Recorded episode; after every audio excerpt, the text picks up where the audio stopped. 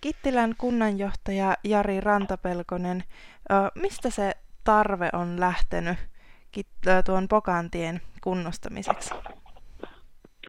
Tuon Pokantien parantamisen tarve tulee niiltä, jotka sieltä tien päällä kulkee, että vuosia, jos ei vuosikymmeniä, niin on ollut ilmennyt tarve, että se tie ei ole kunnossa ja tänä päivänä se tie on jopa vaarallinen, että kyllä se tarve tulee niiltä, jotka tuolta tien päällä kulkee, että olipa ne nyt kuntalaisia tai matkailijoita tai ammattiliikennöitsijöitä, niin ei, ei, se, ei se tie ole enää tätä päivää. Mitä se kunnostaminen vaatii?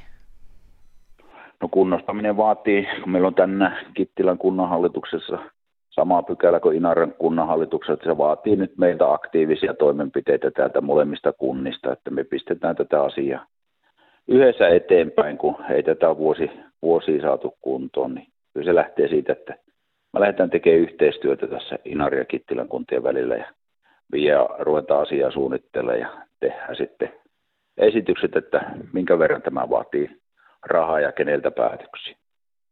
Niin tänään on tosiaan tiistai, tämä haastattelu tulee keskiviikkona ulos. Teillä on tänään se hallituksen kokous aiheesta, mutta olet kuitenkin jo nyt ennen kokousta varma, että tulee saamaan kannatusta.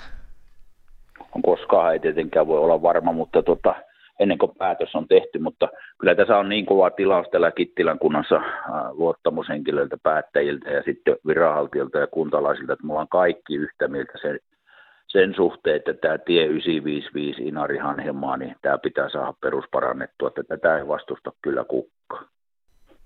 Niin, tämä tiehän on tosiaan rikkonut varmaan, varmaan aika monta autoa ja lukuisia renkaita puhkonut. Niin miten, miten tämä vaikuttaa esimerkiksi Havanikö kunnan imagoonkin? No kyllähän se vaikuttaa kunnan imakoon tietysti, mutta kyllähän tämä nyt valtioimako ennen kaikkea, että tämä on niin luvattoman huonosti on näitä tierahoja Suomessa ensinnäkin ja sitten luvattoman huonosti niitä jaetaan tänne Lappiin, että kyllä se vaikuttaa myös valtio, valtioimakoon. Tämä tie on myös ainoa tämmöinen suora tie Inarista sinne länsipuolelle ja siitä eteenpäin Enontekijöön, niin vaikka tämä on siinä mielessä sillä pienempi tie, mutta kuten sanoit, niin tätä kuitenkin käyttää ilmeisesti erittäin moni ihminen.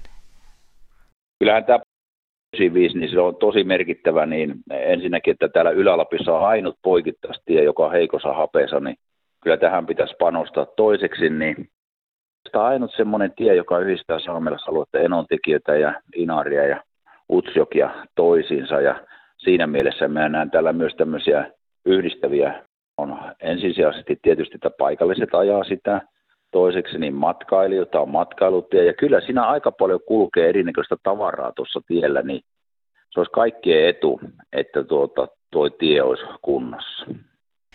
No tähän loppuun vielä lyhyesti, että miten tämä tulee nyt tästä etenemään, jos kunnat, jos ja kun kunnat antavat tälle vihreää valoa, niin miten tämä etenee?